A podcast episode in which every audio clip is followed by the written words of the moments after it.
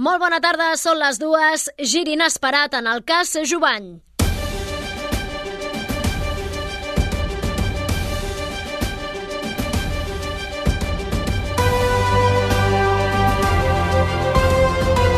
Notícies migdia. Núria Garcia.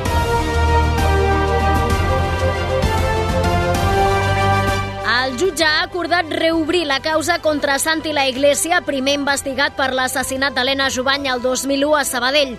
Una decisió que implica tornar-lo a imputar per poder demanar-li unes mostres biològiques que es puguin comparar amb les de la víctima. Benet Salelles, advocat de la família Jovany, espera que el resultat de les proves d'ADN sigui concloent. Veurem quin serà el resultat d'aquestes proves d'ADN que es practicaran ara, però estem amb un, amb un material que hem pogut uh, obtenir no, l'any 2022 que no havia estat valorat en el moment inicial i que pot ser una prova absolutament determinant de cara a resoldre el cas de l'assassinat d'Helena Jovany. La Iglesia se suma a l'altre investigat en el cas de l'assassinat de la bibliotecària Xavi Jiménez, qui també es manté imputat, malgrat que el seu ADN no concorda amb el trobat a la roba de la víctima.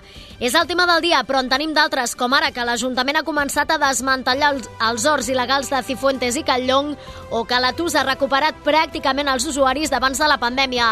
Alhora, també us anunciarem el cartell del Petit Ambassat que s'ha donat a conèixer aquest dimarts, tot amb l'ajuda del Toni González de les Vies de So. Notícies migdia. La informació en 15 minuts. Els serveis. Situació del transport públic, Albert Garran des del Transmet. Bona tarda. Què tal? Bona tarda. Doncs portem un dimarts de total normalitat a la xarxa de transport públic on no destaquen fins al moment alteracions ni al transport ferroviari ni al bus, a banda d'algunes afectacions programades. En aquest sentit, recordem que a la línia R4 de Rodalies hi ha modificacions horàries, sobretot en el primer tram del matí, relacionat amb les obres de DIF amb el corredor mediterrani, i per això recomanem consultar les possibles afectacions als canals de Rodalies. A banda d'això, com dèiem, total normalitat. De moment això és tot des del Transmet. Bona tarda. I pel que fa a la situació a les carreteres catalanes, a aquesta hora força tranquil·litat, però hi ha una incidència a l'autovia A2 a Cornellà de Llobregat en direcció Martorell, on hi ha un carril tallat per un camió accidentat. Hi ha un quilòmetre de retencions. La notícia del dia. Gira en el cas d'Helena Jovany, el jutge posa Santi la Iglesia sota el focus. El titular de primera instància 2 de Sabadell ha acordat reobrir les actuacions en relació al primer investigat en la causa judicial, Santi la Iglesia.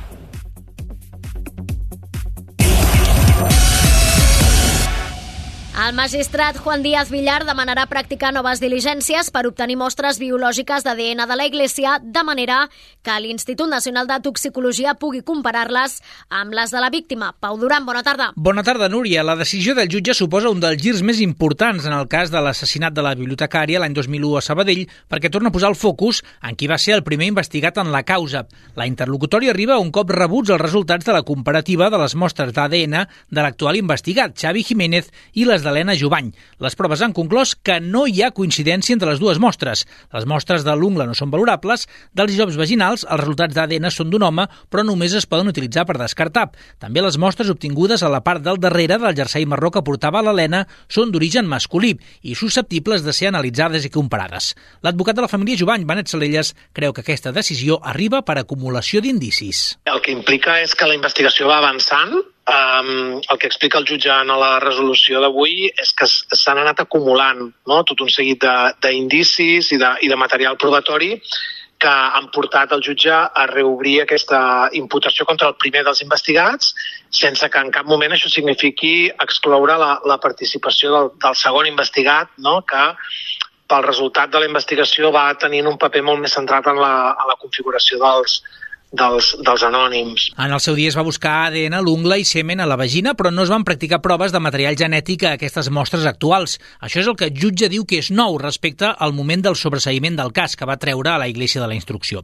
El titular del jutjat número 2 de Sabadell considera que aquest material genètic vincularia de forma decisiva al titular de les restes biològiques amb la participació de la mort de l'Helena. El jutge recorda que cap de les persones investigades, ni ara ni abans, va dir mai que hagués coincidit amb l'Helena durant els dies anteriors a la mort i molt menys que hi hagués tingut contacte físic. El jutge recorda que a conseqüència de la prescripció del cas pels no investigats, la Iglesia és ara l'únic home que queda per ser valorat. Li poden agafar mostres de la boca i comparar-les amb tot el material genètic disponible. La Iglesia ara pot apel·lar contra aquesta resolució. Però Xavi Jiménez Pau encara continua dins de la causa. Sí, perquè l'informe pericial de la policia judicial sobre els anònims que va rebre l'Helena n'atribueix la redacció a Xavi Jiménez, argument ara reforçat per una pericial de caràcter lingüístic. Notícies migdia.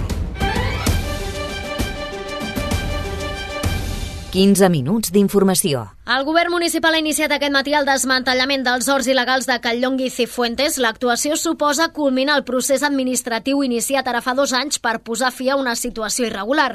L'Ajuntament de Sabadell ha començat per les parcel·les propietat de Bimussà i que estan destinades a la construcció d'habitatge protegit. Helena Molist, molt bona tarda. Bona tarda. Avui han començat els treballs per desmantellar els horts il·legals de Callong i Cifuentes, uns espais que en els últims anys han generat moltes molèsties als veïns de la zona. I és que s'havien convertit en un focus de brutícia, sorolls, botellons i fins i tot consum de drogues. Per això, des d'aquest punt de la ciutat, l'alcaldessa de Sabadell, Marta Ferrés, s'ha mostrat avui molt satisfeta que els treballs per netejar la zona s'hagin iniciat. També ha agraït la paciència dels veïns durant aquest temps. Des d'aquí agraïm molt la paciència i la col·laboració dels veïns i veïnes, que com us dic fa dos anys van confiar en nosaltres i els hi vam dir serà un procés llarg però ho farem i per tant doncs, avui gràcies a aquesta confiança i a la feina ben feta doncs, un cop més estem complint, estem desmantellant aquest espai i estem doncs, també recuperant la dignitat en aquest entorn. L'operatiu que ha començat avui es mantindrà actiu fins que es recuperin totes les parcel·les ocupades, propietat de Bimussà, de l'Ajuntament i d'altres en mans de particulars i es facin les actuacions necessàries per evitar noves ocupacions.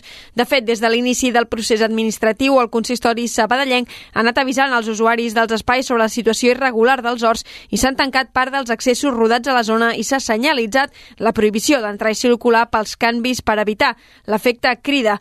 De la mateixa manera, aquest estiu l'Ajuntament l'Ajuntament va netejar de forma subsidiària part dels terrenys ocupats i que van cremar el juliol. Més qüestions. La plaça Espanya viu aquests dies la culminació de les intervencions de millora de l'espai. Les últimes actuacions han anat dirigides sobretot a reforçar-ne la seguretat. Karen Madrid, bona tarda.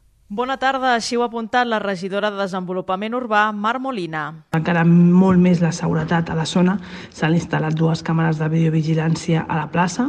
Les imatges d'aquestes càmeres arriben a la central de comandament de la policia municipal i a partir d'aquí s'avalua la necessitat d'actuar i també s'enregistren aquestes imatges. També s'ha reforçat la il·luminació de la plaça i s'han impulsat diferents tasques de neteja i desinfecció per reduir el risc de plagues.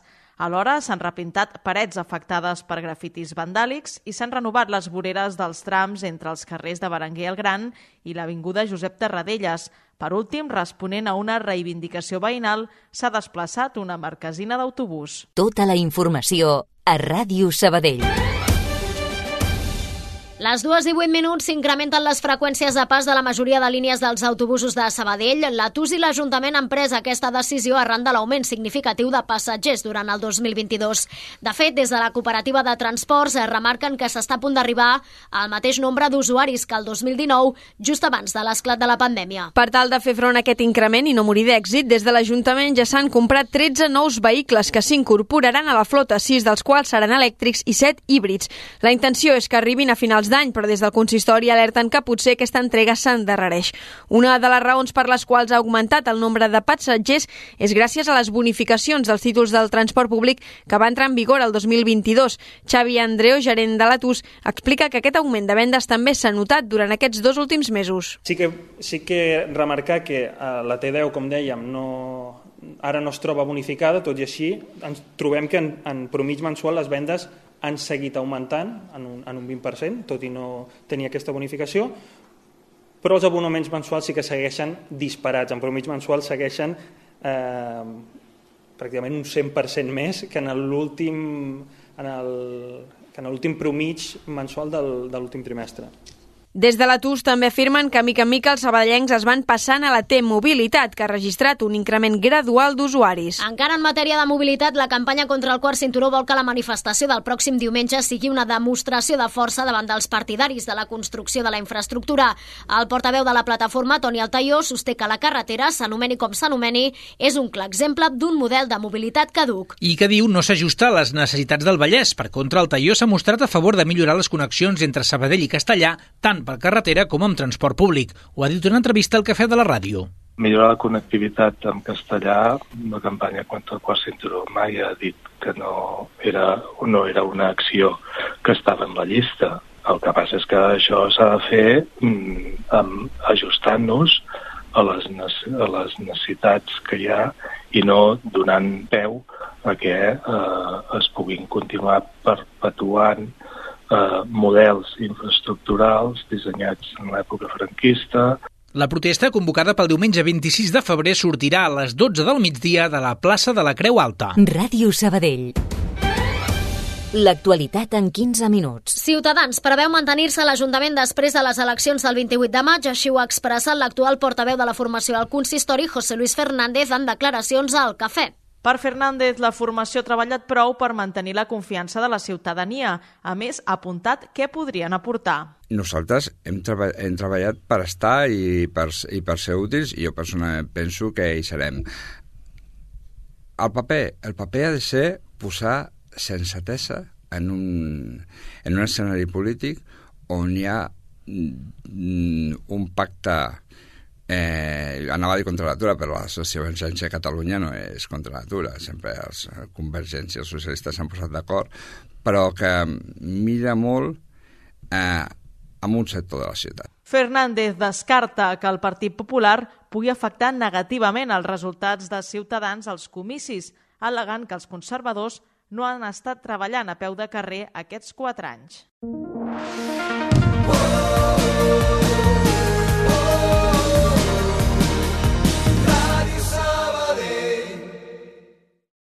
Busquem el sabadellenc de l'any. Ens ajudes a trobar-lo?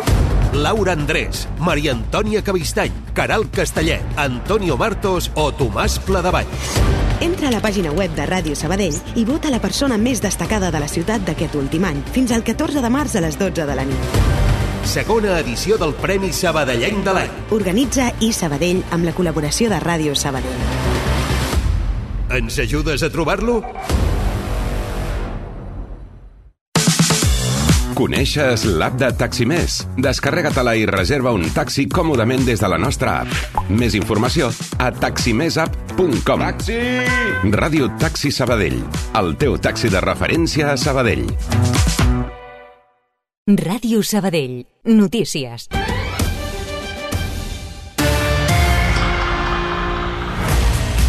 Més enllà de Sabadell, us expliquem que l'Audiència de Barcelona manté Dani Alves en presó preventiva per agressió sexual, tal com demanava la Fiscalia i l'acusació particular. L'exjugador del Barça es troba intern a Brians 2 des del 20 de gener passat per una suposada violació a la discoteca Saton de Barcelona. La seva defensa va presentar dilluns un recurs demanant la llibertat amb mesures cautelars, com ara una fiança, la retirada del passaport, la compareixença periòdica al jutjat o la col·locació d'una pulsera telemàtica per controlar els seus moviments, una petició que el tribunal ara ha denegat. Vladimir Putin anuncia que Rússia suspendrà la seva participació en l'últim tractat de desarmament nuclear signat amb els Estats Units. En un discurs davant dels representants de les cambres del Parlament rus, el primer des del 2021, Putin ha justificat la decisió tot acusant l'OTAN i els Estats Units de la manca de cooperació. En la mateixa intervenció de gairebé dues hores, el president rus ha avisat a Occident que farà tot el que sigui necessari per a la victòria a Ucraïna i veu impossible una derrota russa en el camp de batalla. Cultura. Del 9 al 26 de març de 2023 torna Dansa Metropolitana a Sabadell i a 11 ciutats més d'aquesta àrea. Enguany, amb quatre espectacles dins dels teatres i quatre més a l'aire lliure. Sí, la sisena edició comptarà amb Cineva no venim, de Glòria Ross, La mecànica de l'infortuni, de Clementine Telesfort i les Tenís, i Long, de Kernel Dance Theatre, a l'Estruc. I al Teatre de la Faràndula es podrà veure Loop, d'Aracala Danza. Mireia Llunell, directora de l'Estruc Fàbrica de Creació dels Arts en Viu, en fa una lectura molt positiva. Super positiva perquè hem fet taca d'oli, o sigui, hem, hem, hem mantingut les ciutats que, que érem l'any passat. L'any passat vam entrar a Sabadell i Granollers com a centres de creació. Aquest any no hem volgut créixer més com a dansa metropolitana i el que hem fet és sí, fer un treball molt més profund de les comissions. Es prestarà especial atenció a la dansa neoclàssica i a la d'Amèrica Llatina. I ja hi ha els artistes confirmats del Petit Ambassat. Era una formiga, corria sempre, era Tortell Poltrona, la cantant Lali Bigut i el grup Embauca seran els encarregats de fer ballar els més petits el pròxim 21 de maig. D'aquesta manera, l'Ambassat complementa la seva programació pel públic adult amb aquests tres espectacles. Les famílies també podran gaudir d'una zona de jocs i de l'espai nadó. Les entrades per a aquests actes ja estan a la venda al web de l'Ambassat. El temps.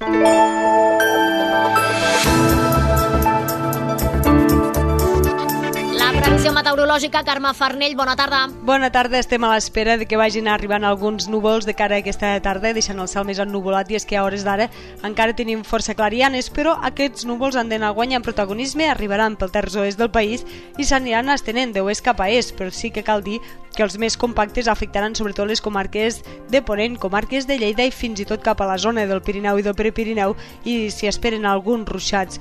Pel que fa a la temperatura de ser molt similar a la d'ahir, puntualment una miqueta més baixa, però continuarem parlant d'aquest ambient suau i de cara a demà encara mantindrem el temps inestable amb alguns ruixats que afectaran de forma intermitent i sobretot cap a l'interior del territori, però el dia més inestable serà dijous i és que tindrem precipitació gairebé arreu del país i a més amb una quantitat de precipitació força destacable, també necessària i a més amb acumulacions de neu també destacades cap a la zona del Pirineu i des d'aquí el Servei Meteorològic de Catalunya ja tenim un avís activat sobre l'acumulació de neu, especialment cap a la zona del Pirineu Occidental. Això és tot des del Servei Meteorològic de Catalunya. Passa un minut d'un quart de tres, marxem.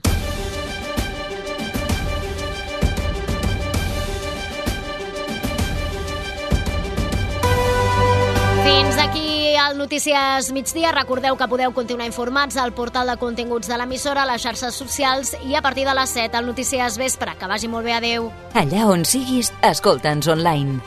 En directe.radiosabadell.fm